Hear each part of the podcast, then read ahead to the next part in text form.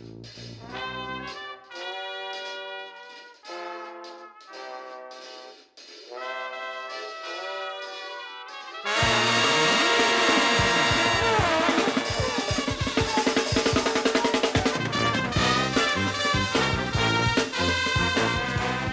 a chroeso i benod 65 o Ysbeidiau Heilog gyda fi, Lee Jones. A fi, Llywyd Owen, lle byddwn ni'n rhoi sylw i'r pethau bach sy'n neud gwahaniaeth mawr i ni yn ystod y cyfnod hollol honco, diben draw, hwn! Ie, yeah, diolch yn fawr i chi am rando, fel bob wythnos. A dyn ni'n bodlediad hollol annibynnol, felly dyn ni'n ddibyniadau arnoch chi i ledeini'r gair da, felly cofiwch un dilyn ni ar Twitter at ysbeidiau heipod, Instagram hefyd, ond dwi byth yn postio ar fanna, uh, ac i dan ysgrifo, ac i rhannu ein cynnwys ni gyda'ch ffrindiau neu eich gylynion hefyd.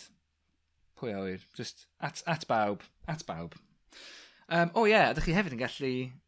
Ydych chi hefyd yn gallu helpu cyfrannu tuag at ein costau ni? Dyma fi'n anfon uh, y ddisgwyl rownd y capel yma llwyd. Felly, os ydych chi eisiau cyfrannu at ein costau ni, gallwch chi wneud hynny ar Kofi... Uh, co-fi.com blaen slice ysbeidio heilog. Mae yna link ar ein profil Twitter. Felly, uh, gwnewch felly, os ydych chi'n teimlo'n flush, ond peidiwch o teimlo pwysau i wneud, achos mae hi'n ma hi dyddiau anodd ar bawb yn diwyllwyd.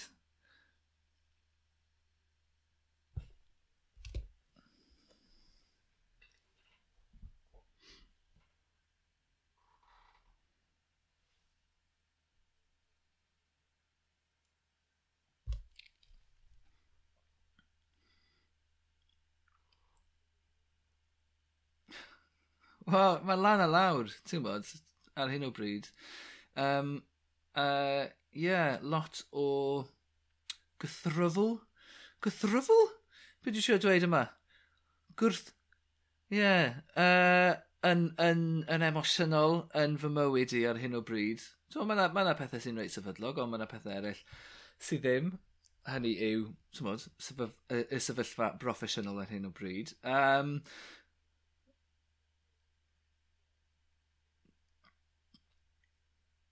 Do, felly, um, felly ie, yeah, dwi dal i, ar, ar yr eiliad yma pan dyn ni'n recordio, dwi dal i aros i weld os oes gen i swydd.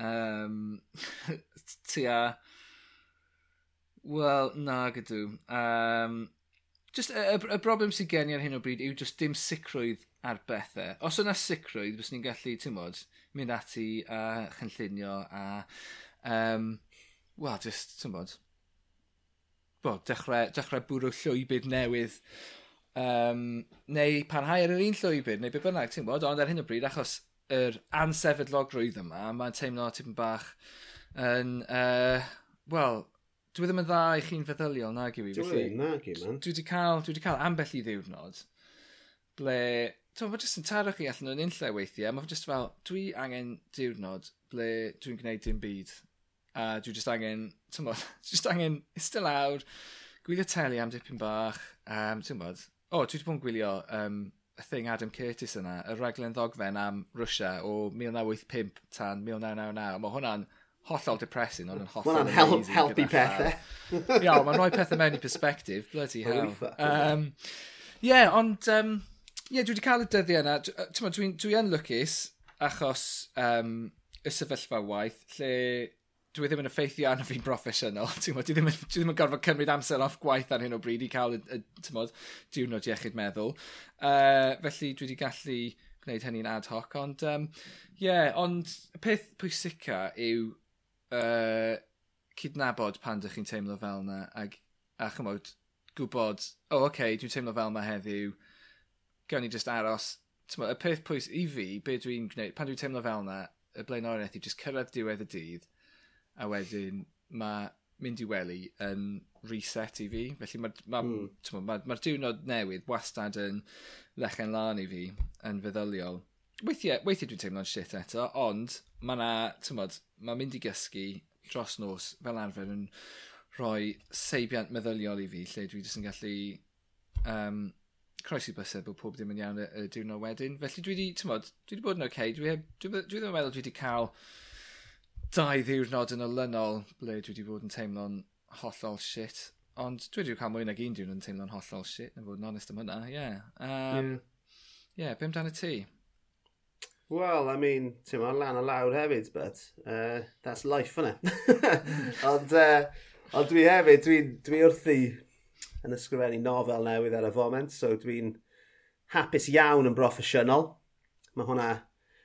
Oh, ma, dyna beth bys ni'n hoffi wneud bob dydd o, o mywyd i, ond uh, dim, dim, dim dyna reality. So amser dwi yn cael cyfle i e, ysgrifennu, so mae gen i, wel, pimp wythnos nesaf yn rif yn fy nyfiadur i i ysgrifennu. Mae'r nofel wedi ei chynllunio i fflotio a dwi, uh, dwi pimp, pimp penod mewn. Um, a byddai'n mynd at hynny... penod. Ydy hwn yn nofel hollol newydd neu dy hun olyniant? Ydy, mae'n mae, mae rhan, rhan tri, so mae rhan tri stori Sally Morris, so mae'n dilyn uh, Rhedeg i Paris a o glist i glist, a dyma'r rhan tri yn y drioleg. Um, so dwi'n dwi, dwi gobeithio, dwi'n adnabod cymeriad Sally a'i gŵr Ben yn eitha da erbyn hyn, ond dwi'n cyflwyno um, cymeriadau newydd sydd wastad yn cool. A, oh man, dwi jyst yn absolutely, absolutely caru'r broses, dim o, dwi'n dwi codi dwi'n codi yn y, yn y bore heb snwzo. ac, e, uh, mo, a, a, a, a, a dwi wrth yn esg, ti'n mo, ASAP, mae'r merched allan o drws am, am, am 8 o gloch y bore a dwi'n mynd ar ci am dro bach cloi a dwi wrth yn esg am handi 8 a ti'n yn mynd yn dani a yn treol gorffen penod cyn bod y merched nôl o'r ysgol am hansi tri. Um, so dyna, ti'n mae'n mae gweithio'n dda ar y foment. Mae mor, and... ma mor hawdd a hynny. Wel, ti'n nofel. Disgyblaeth yw'r peth pwysica. Yeah, yeah, yeah. Ond, Lee. Yeah, wel dyna'r thing yn diwe. Y, y, y, y, y grefft, y, y, y ddawn yw golygu yn diwe ag i yeah. Tymod, mae yeah. ma un, un o'r sgiliau sydd angen yw just cael y peth allan. Chwydi. A wedyn gweithio ar beth sydd gennych chi ar y dydalen, yn diwe. Yeah. yeah. No, absolutely. Tymo, um, fi'n meddwl Stephen King ddwedodd taw y drafft cynta yw uh, nofelydd uh, neu'r awdur pa bynnag gyd-destun yn, yn, yn, yn adrodd y stori wrth ei hunan. Um, mm. A wedyn, mm. a, a, a, a, a, a, a, a peth, peth anodda yw cael uh, drafft cyntaf yna ar bapur. A wedyn, mm. fel ti'n gallu gweud, ti'n gallu chwarae, ti'n gallu newid, ti'n gallu gwella. Ti ddim yn mynd i wneud pethau'n wath yn y golygu. o gobeithio ddim, anyway. ond dylse ti ddim. So, ie, yeah, ond ti'n dwi, dwi wrth y modd gyda, just, just yn, yn y broses a yn llifo ac yn... So, mae'n grit. Ond, um, ond wedyn, I mean, mae bywyd yn gontrit. Dyna, dyna, dyna be ni'n mm. gorfod co cofio yng nghefn yn meddyliau. Achos ar ddi sadwn, o'n i allan am dro uh, gyda fy ffrindiau, wel, fy ngwraig i Lisa, fy ffrindiau Erin a May T. Cornell. Um, a dyma May yn, yn gofyn i fi os o'n i'n adnabod merch o'r enw Betsan Wyn Morris. O, wedyn si, o oh, ie, yeah, ie, fi'n adnabod Betsan, siamai. A yn anffodus, y newyddion oedd bod Betsan wedi marw nos Wener ar ôl salwch byr iawn. A, honestly, oedd e fel gut punch llwyd i fi, o'n i, on i ddim yn disgwyl y newyddion yna o gwbl. O'n i'n o'n i, on i ddim yn ffrindiau agos gyda Betsan, ond um, nes i weithio gyda hi am ryw flwyddyn uh, mewn cwmni o'r enw Acen tua 2000 a 2, 2002, rhywbeth fel yna. A o'n i'n uh, big mit ar yr adeg yna. Gaethon ni lot o hwyl. Um, oedd Betsan yn Oedd hi'n ddireidus iawn, oedd hi'n ddeifiol, oedd hi'n ddoniol, oedd hi'n ddidwyll. Um, oedd hi jyst yn lot o hwyl a o'n i'n rhannu Uh, o'n i'n rhannu angerdd am sigarets a smocio nhw yn y maes parcio am swn i yn acen. So, oedd gyda ni fel um, perthynas um, bo, tu allan i'r swyddfa. A uh, ie, yeah, o'n i just yn, honestly man, honestly, mae fe, di, ma fe wedi, ti'n A fi'n gwybod, ti'n bod, bod fi nifer o gamau o fath o ganol y storm fel petai. A mae'r a ma deirnged yma yn dod o, o fan o gariad pyr at Betsan. A, ti'n mo, jyst eisiau... Fi'n gwybod bod canoedd o bobl o gwmpas Cymru, ti'n o edrych ar yr ymateb ar Twitter a stuff, fi'n fi, gwybod bod canoedd o bobl yn, yn galaru uh, mewn sioc bod Betson wedi marw heddiw. A ti'n mo, does, dim geiriau i, i, i ddweud, ti'n mo, i ddisgrifio siwt, siwt mae, ma, ti'n mo, bysau bys ei ffeiri hi'n teimlo. Ti'n mo, mae'n rhaid, ti'n mo, talu teirnged iddi hi a, ti'n mo, pob parch iddi i, i, i dewi ei gŵr. A mae'n gadw dau o blant ifanc hefyd, a just dwi, dwi wedi dychmygu, mae'n amhosib dychmygu sut mae nhw'n mm. teimlo heddiw. Ond, um, sa'n meddwl bod lot o bobl yn, yn, yn gwybod hyn, ond Betsan oedd un o'r bobl cynta i ddarllen fy ngwaith llenyddol i hefyd. Um, achos amser ni yn, yn gweithio yn acen, ti'n mo'n i'n rhannu pethau gyda'n gilydd, um, a ni'n gweithio i bod fi wrth i'n ysgrifennu nofel, a dyn ni ddim yn gwybod os oedd y nofel Tyma, any good? a nath Betsa'n gynnig darllen y bimp benod gyntaf i fi, achos yna gyd o'n i wedi ysgrifennu ar y pryd, i weld os oedd pwynt i fi geri ymlaen. A nath i ddarllen nhw, a nath i ddweud, ie, yeah, mae'n ein yn gret, man, mae rhaid ti, ma rhaid ti orffen hon, so mae rhaid i fi ddyfal barhau. So na beth nes i, a tyma, dath, dath Betsa'n i, fi'n mynd i weid, bron, bron pob un, os nad pob un o fy lansiadau, fel arfer gyda Dewi yn, yn gwmni iddi, A, ie, yeah, just eisiau, ti'n mo, erbyn hyn, o'n i'n gweld Betsan yn yr ysteddfod, o'n i'n gweld hi yn tafwyl, a o'n i wastad yn bleser gweld hi, e, o'n i wastad yn cael laff, a ie, yeah, o'n i just eisiau talu tein gyda hi, a absolutely gutted, wedi torri fy nghalon yn filiwn o ddarnau man, so na gyd, o'n i jyst eisiau gweud hynny ar y, ar y benod yma gan bod i'n mynd allan yr wythnos yma, so, so mae hwnna really wedi effeithio mm. ar ar, ar, ar fy iechyd meddwl i heddiw, ond fucking hell, sym ots amdana i yn y sefyllfa yma. Mm. Wel, dyma'r peth hefyd, ti'n gwybod, pobl dych chi'n croesi llwybrau gyda nhw trwy gydol eich bywydau chi. Mae yna adegau ble mae yna rhywun yn dod mewn i'ch bywyd chi a dydych chi ddim yn meddwl gymaint o beth sydd yn digwydd rhwngddo chi a'r effaith ydych chi'n cael arnyn nhw A ti'n gwybod, mae'r effaith mae hi wedi cael ar dy fywyd di, ti'n gwybod, siŵr o fod, yeah. dim ond dau neu dri o bobl sydd wedi cael effaith mwy cadarnhal ar lwybr dy fywyd di, ond, yeah. ti'n gwybod, iddi hi siwr o fod, oh, wel, ti'n gwybod, just, just gwneud rhywbeth i ffrind yw hwnna, ti'n gwybod, yeah, dim, dim rhywbeth tynged fennol oedd yeah. darllen y pum penol cyntaf yna. Um, a ie, yeah, just, ti'n gwybod, dangos um, fath o berson oedd i, i ti'n gwybod, fod mor agored a uh, twod, dangos cymaint o gymorth i ti. Um, yeah. A ie, yeah, dwi'n siŵr, dwi siŵr nid, nid i ti yn unig oedd um, Na. y fath... Uh, na, definitely, hi ar bobl. Definitely no. Oedd hi'n gweithio fel cynnyrchydd a raglenni plant S4C. So fi'n gwybod bod hi, ti'n wedi croesi llwybrau gyda miloedd o bobl a dwi'n gweld y cariad sydd, yn, sydd iddi ar-lein a fi'n gobeithio bod hynny yn rhyw gysur i dewi a'i theulu a ar y cyfnod anodd yma, ond mae hwn yn swnio, mynd i swnio fel bod fi'n, fel hyperbole, ond fi'n meddwl bod fi'n mwy trist ar ôl clywed am Betsen yn marw pan glywes i di Sadwrn, na fan fi oedd fy mam fy hunan yn farw.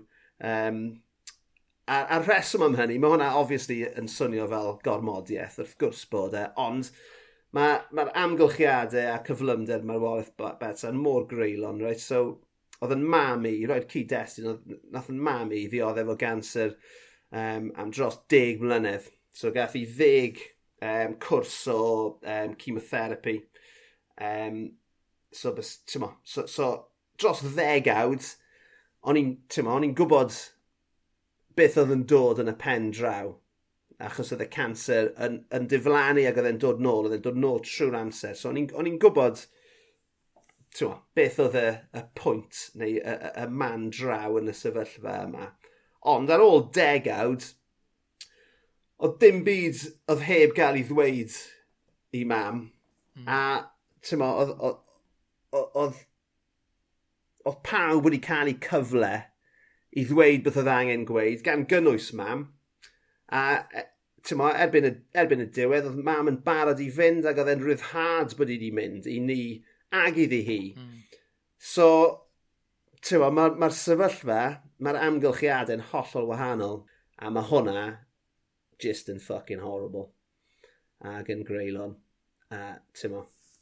A dyna, dyna, dyna, dyna, tymo, just, just yn anheg. A, ie, yeah, mae'n ma, nghalon i yn gweidi dros ei theulu hi a ti'n mo, na gyd rwy'n gallai ddweud am y peth nawr yn dyfa.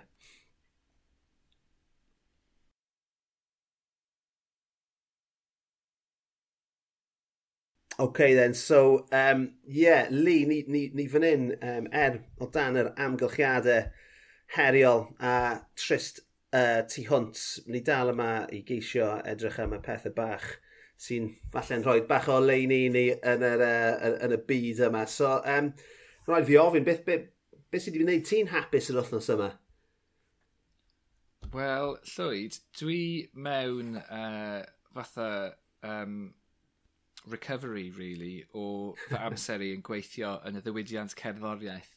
Um, ac fe es i i gig uh, noson o'r blaen. Ac y tro cyntaf i fi fynd am gig, ers... Uh, well, ers cyn Covid, dwi'n meddwl. Well, na, dwi'n meddwl, es i un gig yn ystod Covid, ble oedd, ti'n modd, oedd rhaid i chi eistedd lawr uh, yn y... Dim yn adlu ar neb. Tiny yma, ie, yeah, yn union fel na.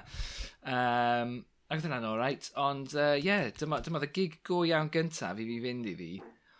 Ers dros tair mlynedd, ers cyn i aid uh, chael ei enni. So, um, yeah, oedd yn excited, oedd yn excited i, i i fynd i gig a well, bod yn punter am y, am y tro cyntaf. O, rhaid ti dalu am docyn!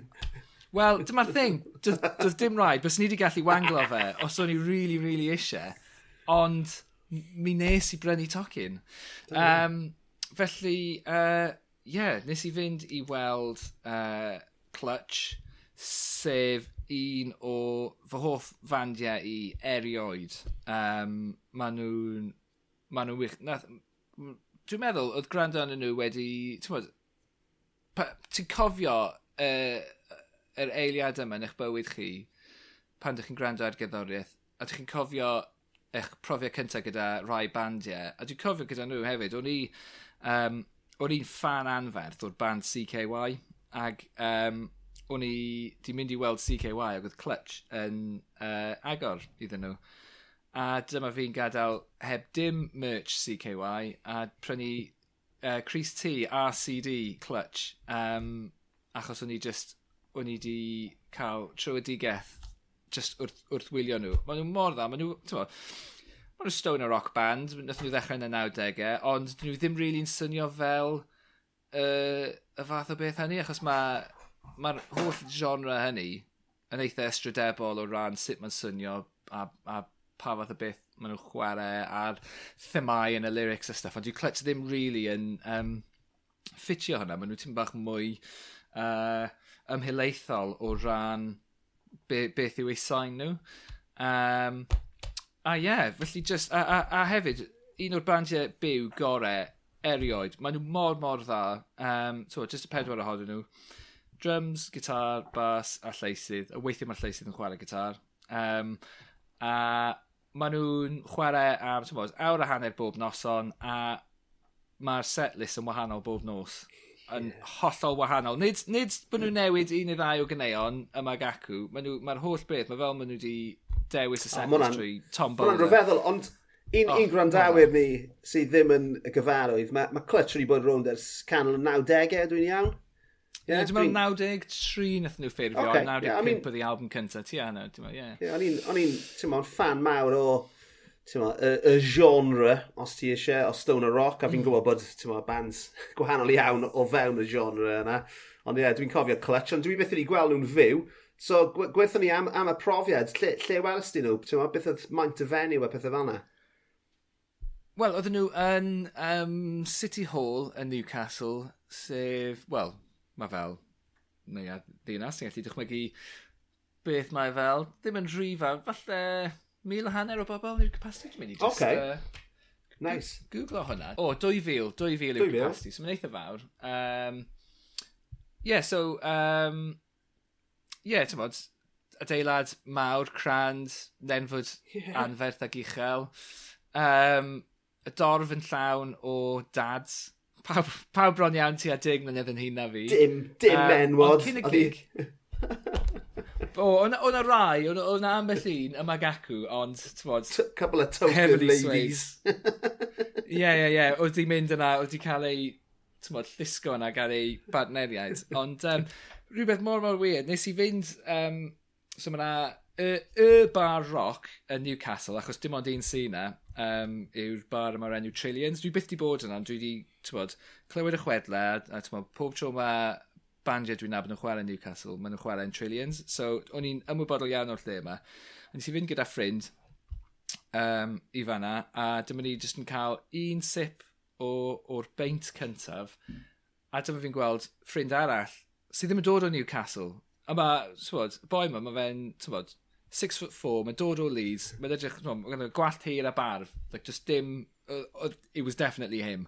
Um, a, a ie, yeah, felly, o'n i heb gweld e ers rhyw bedair mlynedd, a felly, tyma, dyma ni'n cael noson allan gyda'n gilydd, um, nice. hen ffrind o'n i heb weld, uh, a, th a ddim yn disgwyl gweld chwaith.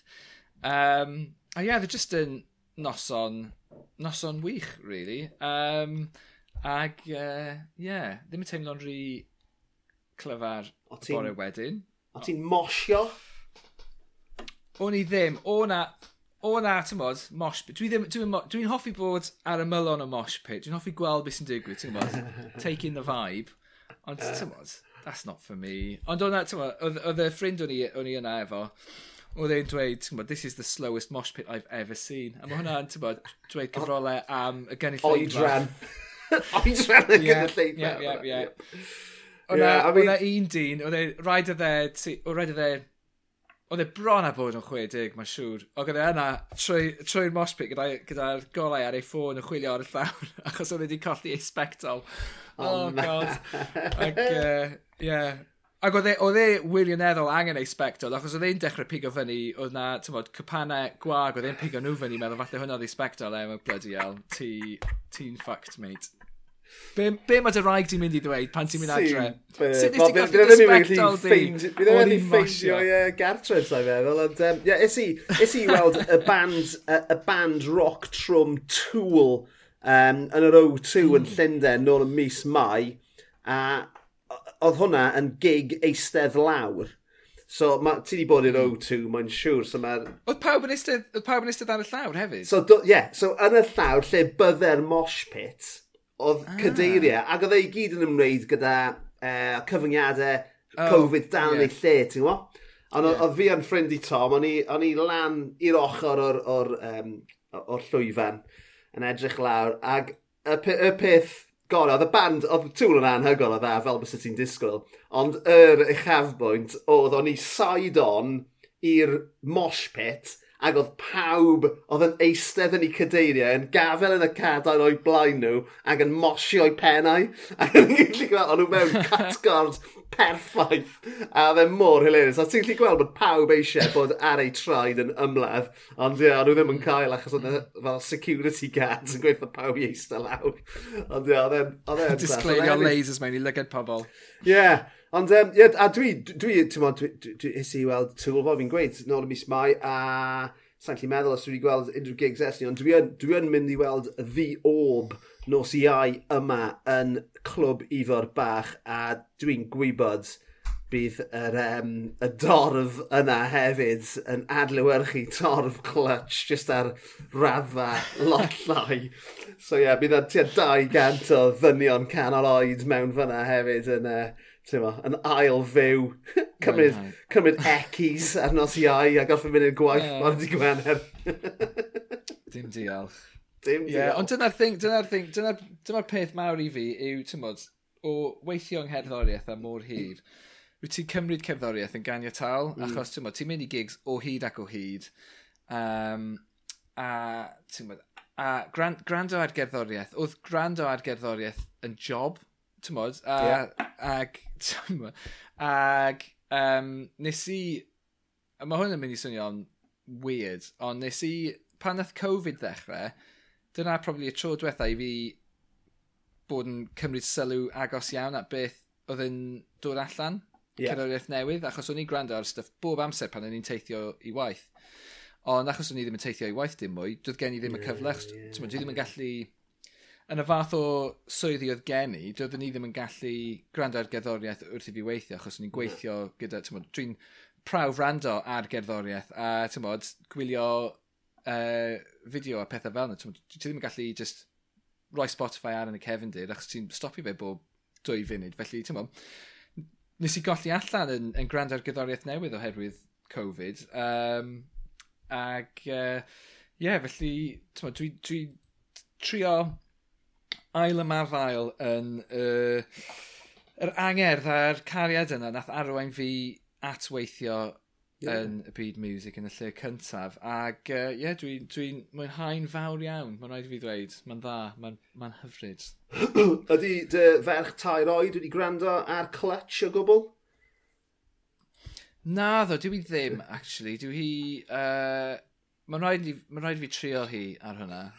Uh, mae hi'n hoffi Slayer, Mae hi, mae hi wastad yn gofyn am Pwy sydd Slayer. ddim? Pwy sydd ddim yn hoffi Slayer ni? Come on. Wel yn union. A mae hi wedi dysgu... Mae hi mond, mae hi mond yn cael gofyn i fi i roi Slayer ar. Os, os ysyn unrhyw arall yn y car gyda hi, dwi ddim yn, dwi ddim yn gofyn, mae wedi dysgu beth i ddim yn cael.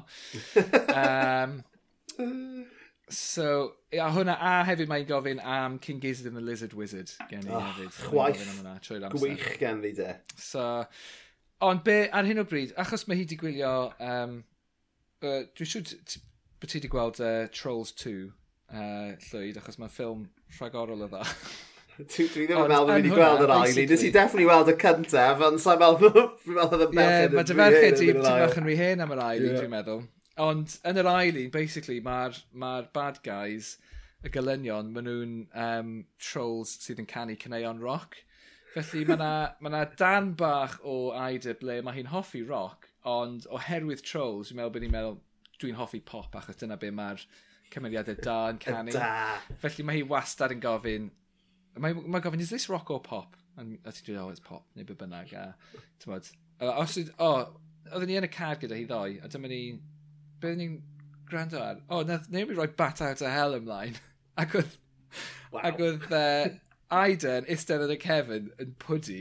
Oh my god, y, y ffordd y ffordd bys y ti, bys y, bys y mam yn disgrifio hi, yn disgrifio'r ei, ei gwefus i sa hi, bys y mam yn dweud, oh, a, a pigeon could sit on it, fath o beth, achos oedd hi just yn pwdi mor galed yn eistedd yn y cefn. And don't you like it? It's like, no, it's rock. Like, oh, okay, fine. Oh.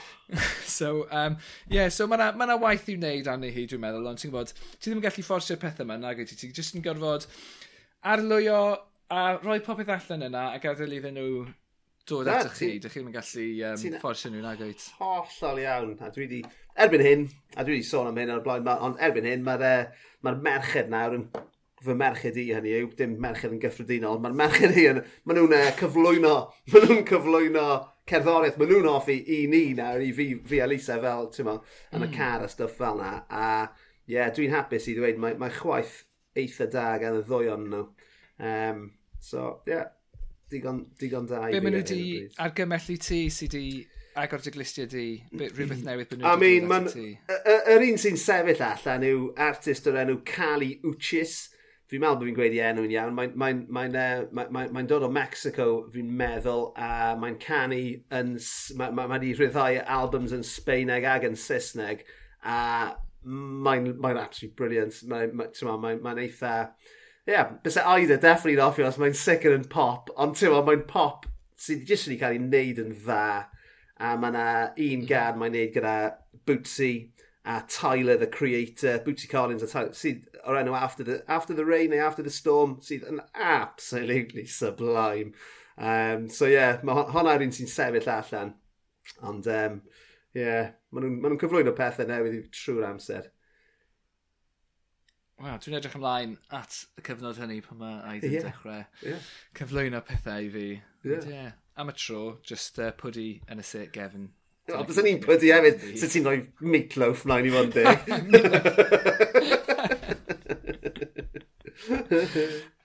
hey, anyway, Lloyd, beth sydd wedi bod yn cadw ti'n hapus? Oce, okay, wel, yn syml, mynd i lefydd newydd Na gyd. So, yn yr, yn yr wythnos y diwethaf yma, fi wedi bod i dri lle newydd. Uh, tri lle dwi byth wedi bod i o'r blaen. Uh, es i i Home Firth a Huddersfield yn Swydd Efrog.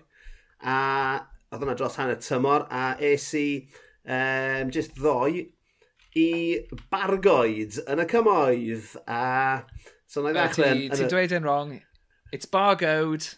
Barcode. barcode. Um, barcode. Bargod. Yn Gymraeg, bargod. Um, heb he yr e, dwi'n dwi, dwi credu. Ond, um, so, eithon ni i Home Firth um, i roi llidw nain mam gi Lisa yn y tir yn, penau, yn y pentre lle gafodd ei geniau magi. Yn yna aduniad teuluol mawr o ochr Lisa teulu, a oedd gethon ni benwthnos gwych. Ond oedd Home Firth, mae Home Firth yn enwog wrth gwrs am... Wyt ti'n gwybod? Uh, na. Mae fe'n ma fe enwog Nid iawn am un peth. Un rhaglen dyledu. O, oh, ti uh, yn fan wnaethon nhw ffilmio League of Gentlemen? Na, na, tebyg. Last of the Summer oh, Wine. Last of the Summer Wine. yeah. Uh, so, yeah, yeah, yeah. Uh, ma, ma, ma, I mean, un, unrhyw un o dan 30 sy'n, well, sy'n neb yn gwybod beth yw hwnna. Ond oedd Last of the Summer Wine yn sitcom no Seal, oedd ar y BBC um, yn yr 80au mewn yr 90au, fi'n meddwl. Absolute shit, ond... O, oedd pa... 1983 ta 2010. 2010? 2010. Ti'n fucking serious? Wel, ti'n gwybod, oedd um, Russ Abbott yn ddeferbyn y diwedd yn doedd? Oedd ti'n gwybod dim syniad, ond dim syniad, syniad fi bod e ni'n mynd mlaen o'r hir a hynny. Oh my god. Oedd e'n absolute cachu. Ond fel, fel, fel sydd yn digwydd, ti'n mo, I mean, mae pobl am rhyw reswm yn cadw pethau cachu. Ac um, dyma ni, dyma ni. 2010, mae hwnna'n shocking. Um, anyway, Oedd uh, Cato o'r Pink Panther yn fe hefyd. What? Erbyn y, diwedd. Ie, yeah, ie, yeah, ie. Yeah. Oh, I mean, cashing it in cashing in those checks, efe. Ond uh, anyway, so dyna beth mae Home Firth yn enwog am. A wnaethon ni gael Nethon ni gael fish and chips yn Compo's Chip Shop, sef un o'r prif gymeriadau o beth fi'n o be fi'n deall. Ond na llunio nôr y bat i rownd y lle. Ond na amgueddfa i'r uh, gyfres dyledu i fyna. Ond dim, dim dyna beth oedd yn neis am y lle. Mae ma Homefirth yn bentref oh, anhygoel o, o Bert um, yn, yn, yn, yn nghanol uh, swydd efrog gyda, ti'n mo, afon yn rhedeg trwy fi a hen adeiladau a mae yna ma, na, gareg arbennig maen nhw'n defnyddio yn yr ardal yna o trwy efrog a mae honna'n hmm. bob man. Wel, dyna, dyna be o'n i'n mynd i sôn amdano fe, oedd y ffaith bod tywod, yn, yn yr ardal yna o'r byd, um, gorllewin swydd efrog, mae, tywod, achos, achos y gareg maen nhw'n defnyddio i adeiladu adeiladau, mae ma na rhyw gymeriad i'r lle, yes. cymeriad unigryw um, sy'n ti'n gwybod, ti, ti ddim yn gweld hynna, ti'n ti croesi'r mynyddoedd i, um, ti'n gwybod, i, uh, i Fan Ceinion a Lancashire a, a ti'n gwybod, mae'r ma cymeriad yn hollol wahanol Yndi. oherwydd y, y pensaniaeth. A ti'n gwybod, pethau um, bach cyfrwys yma, wel, nid cyfrwys, ond ti'n gwybod, um, a maen ma nhw yn, uh, maen eitha subtle yn dyn nhw, ond, ond mae yna gymeriad cryf i'r lle ag, ag i, oh, yeah. i llefydd fel yna, sydd yn rhoi... Wel, mae jyst yn dda i chi fel ymwelydd yn diwy, e? achos mae fel, mm. waw, dwi'n dwi, dwi rili wahanol. Mae fel, yeah. ma fel dychmyga, rhywun o, o Loegr yn dod i Gymru ac yn gweld um, arwyddion ar y ffyrdd yn y Gymraeg. Bod, pethau fel yna sydd yn... Mae'n yeah. gyfarwydd, ond dwi e ddim cweit yn gyfarwydd fath o beth. Yeah. Um, a felly'r un peth a, ti'n bod, mynd i'r llefydd yma yn, yn Swydd Efrog, Ben Dant. Ie, yeah. a so, fel ti'n ti gweud, mae'r mae'r ma, ma, ma gareg yma maen nhw'n defnyddio yn rhoi hunaniaeth i'r ardal. A oedd yr hunaniaeth yna wedyn yn ymestyn i Huddersfield sydd yn um, dref... Dwi ddim yn gwybod os mae'n ddinas, dwi ddim yn dref fawr iawn, ond eto mae'r ma ma, ma, ma gareg yma'n cael ei ddefnyddio i'r adeiladau. Mae yna felinoedd um, diwydiannol yn bob man, mae yna gamlesu. A mae ma, ma, ma lot o'r treftadaeth yma wedi cael ei gynnal mewn, well, yn, yn wahanol i nifer o lefydd gafodd ei bomio yn ystod yr ail ryfel mm. byd, reit? Achos yn, yn amlwg, gath Huddersfield ddim i effeithio fel yna, sa'n meddwl, o, o weld faint o'r adeiladau yma oedd dal yn sefyll hyd heddiw. Mm. A fel wyt ti'n gwybod, achos ti wedyn wrtho fi, mae yna Mae na... Um... Mae Huddersfield mor bert. O, oh, mae'n gorgeous. Mae'n really yeah. yn. Mae'n stunning. Achos ti ddim yn... Dydy pobl ddim yn ystyried pethau fel yma. Achos, o oh, ie, yeah, grim, grim northern town. Yeah. Ond, na, mae Huddersfield yn, yn enwedig yn hynod o bert. Achos mae... Wel, achos nathon nhw gael um, cyfnod lle nathon nhw ddechrau adeiladu yn ystod um, bod, y Regency period, felly mae'r pensaerniaeth yeah, yna. Yeah. So, mae golofnau i gyd ym mhob man a, a pethau fel yes. Ie, yeah, mae'n hyfryd iawn. Ac un o, un o dy hoff e, uh, o'r safoedd tren yn y byd, ynddo ni? E, mae'n amazing. Felly mae ma gorsaf tren Huddersfield. Dwi'n mor falch eis i weld e, achos no. pan nes i argymell i ti fynd, oedd yn swnio... O'n i ddim yn gallu argymell fynd i edrych ar yr orsaf dren heb wneud iddo fe swnio fel o'n i'n cymryd y pus. So yeah, like, dim... yeah, well, ti fynd allan o honna. Y fe yw li, y fe yw li, nes, i fynd lan gymaint uh, yn llyfr fy uh, yn had yng Nghyfraith, cos mae fe'n caru trenau, mae fe yn, ti'n mo, mae fe yn mm. o mas am, am, am, am, steam trains yn enwedig, ond am sefydus i, hey Tony, I'm, do you want to come and see the uh, the railway station with me? I heard it's really nice.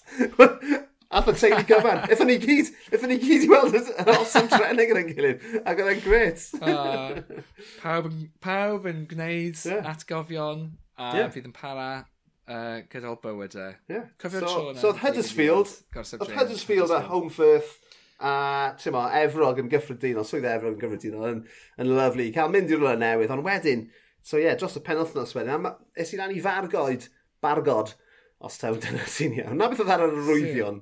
Ond ta beth. Mae fy mrawd i yn byw jyst i'r de o fargoed uh, mewn pentre o'r enw Pen Pedair Heol. A dwi wedi bod, ti'n mo, heibio i fargoed, ddigon o weithiau. Ond sa'i byth wedi cymryd yr amser i gael wac fach rownd bargoed, ond ddoe oedd yn neithi alaw yn chwarae pil droed yn ys, uh, ysgol Hill V yn Margoed, a nath fi Elisa fynd lan gyda'r ci parcio yn ganol dre a cerdded lan, a wedyn ar ôl y gêm, wnaethon ni just mynd i grwydro'r dref. A ti'n ma, be ni'n ni siarad am yw faded grandeur yn, yn, um, yn bargod. Mae yna lot o hen adedadau hyfryd sydd, sydd yn anffodus yn adfeilio a ddim yn cael ei cynnal a'i, ai cadw. Ond wedyn hefyd, mae yna just pethau anhygol y cwl cool na fel uh, y cerflun, mae yna gerflun anhygoel i'r glowyr yr ardal yng nghanol uh, y dref. Um, Sy'n rili really werth i weld, nes i bostio ambell lun o'r cerflun yma ar Twitter ddo, os chi eisiau mynd i weld nhw. Mae'n ma werth i weld. A ti'n mae ma Bargoed yn, ti'n ma, cerddi nôl canrif ac oedd y lle'n llywyrchus tu hwnt. Um, yn wir oedd, oedd, oedd um, cyn deidiau fy chwaer yng nghyfraith i, oedd e'n deiliwr os taw, dyna yw'r gair Cymraeg, ond uh, so oedd e'n deiliwr yn, y, yn, yn Margoed, ond oedd na, oedd na dri teilwr yn Bargoed can mlynedd yn ôl. Ti'n lli dychmygu yna. Sy'n sy dangos i pa mae'r llywyrchus oedd y lle.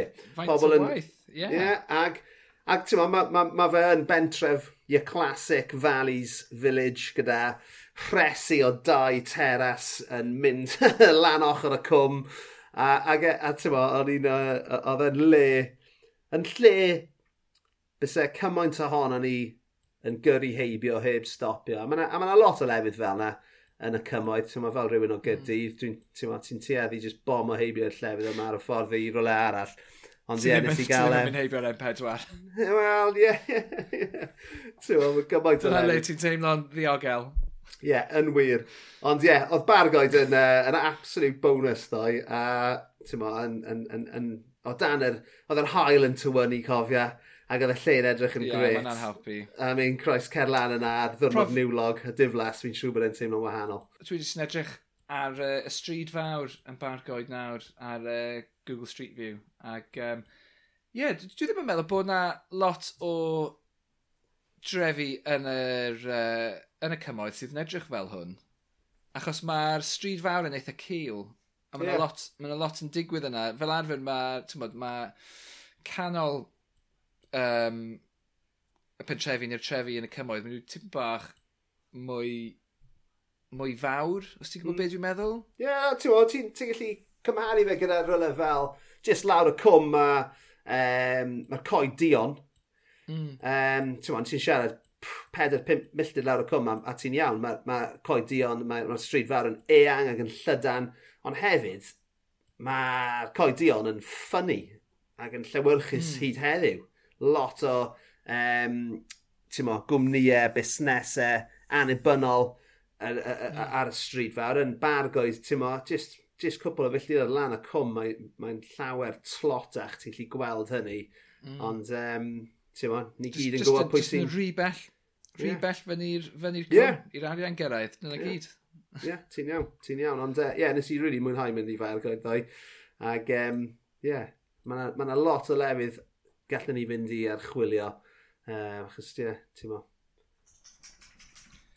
Wel dyma, ai hwn yw, yw ti'n dechrau, ti'n bod, ti'n mynd i fod yn rhyw fath o tourist i'r cymoedd, ac yn, yeah. ti'n bod, fel rhyw, uh, fel rhyw snob o'r ddinas yn edrych ar a'r bywyd bach y bobl yn y cymoedd yma. Dyna'r union beth fi'n neud, ond wedyn yn araf bach byddai'n o dechrau siarad fel nhw. A, uh, dim ond ar penwthnosau, ac uh, e, yn gwisgo fel nhw, ac... Um, yeah, yn, yn... Dechrau cymryd steroids. Yeah, definitely. Sa'n mynd ar y sunbeds. Oh!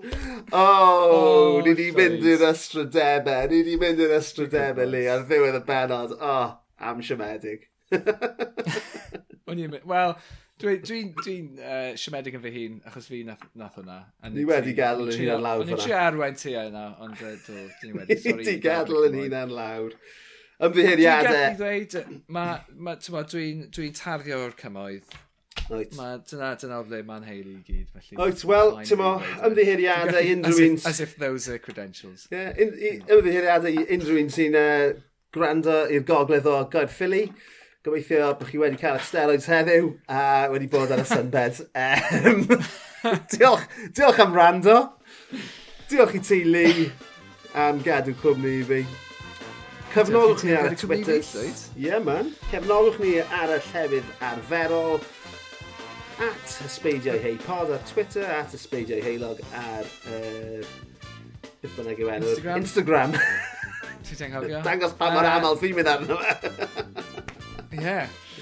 Felly, ie, yeah, dyna neud yna gyd sydd angen i ddweud, really. That is it, my friend. eto o fewn wythnos. Yeah. Heb os, na gawn i bar. O fewn wythnos.